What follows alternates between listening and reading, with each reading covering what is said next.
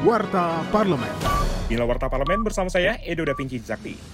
Anggota Badan Legislasi atau Balik DPR RI, Kristina Aryani menyampaikan kriteria perbuatan pelecehan seksual dalam rancangan Undang-Undang Tindak Pidana Kekerasan Seksual atau RUU TPKS perlu dipertegas agar tidak salah pahami dan tidak salah gunakan dalam penerapannya. Politisi fraksi Partai Golkar itu menginginkan seluruh elemen pemerintah yang ikut dalam gugus tugas RUU TPKS menjelaskan penafsiran tindakan pelecehan seksual secara jelas. Dengan menegaskan narasi interpretasi, perbuatan pelecehan seksual agar dalam penerapannya bisa tepat sasaran.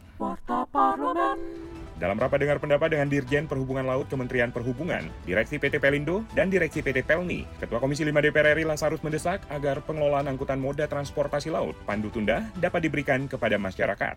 Jadi bisnis-bisnis yang kecil juga kita harap itu nggak usah lah Pelindo terlalu jelimet ke bawah gitu loh.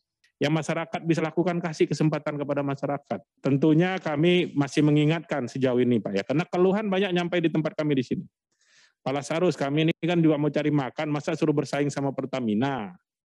Udahlah Pertamina tuh urus minyak aja, nggak usah ngurus lagi, angkutannya masa diambil semua juga. Ya gitu-gitu negara harus hadir Pak. Kinerja Wakil Rakyat simak di media sosial DPR RI. Anggota Komisi 8 DPR RI Ina Amania mengingatkan pentingnya vaksinasi COVID-19 bagi calon jemaah haji Indonesia yang rencananya akan berangkat haji kloter pertama pada 5 Juni 2022 mendatang agar tidak mudah terpapar COVID-19. Saat kunjungan kerja spesifik ke Kanwil Kementerian Agama Kalimantan Timur bersama pihak terkait, politisi fraksi PD Perjuangan itu juga mendorong agar pemerintah mempunyai jalan keluar untuk mengantisipasi jika ada calon jemaah haji yang belum melakukan vaksin booster maupun belum memperoleh vaksin kedua. Informasi lebih lanjut, kunjungi laman dpr.go.id. Televisi Radio Parlemen. Demikian Warta Parlemen, Produksi TV dan Radio Parlemen, Biro Pemberitaan Parlemen, Sekjen DPR RI.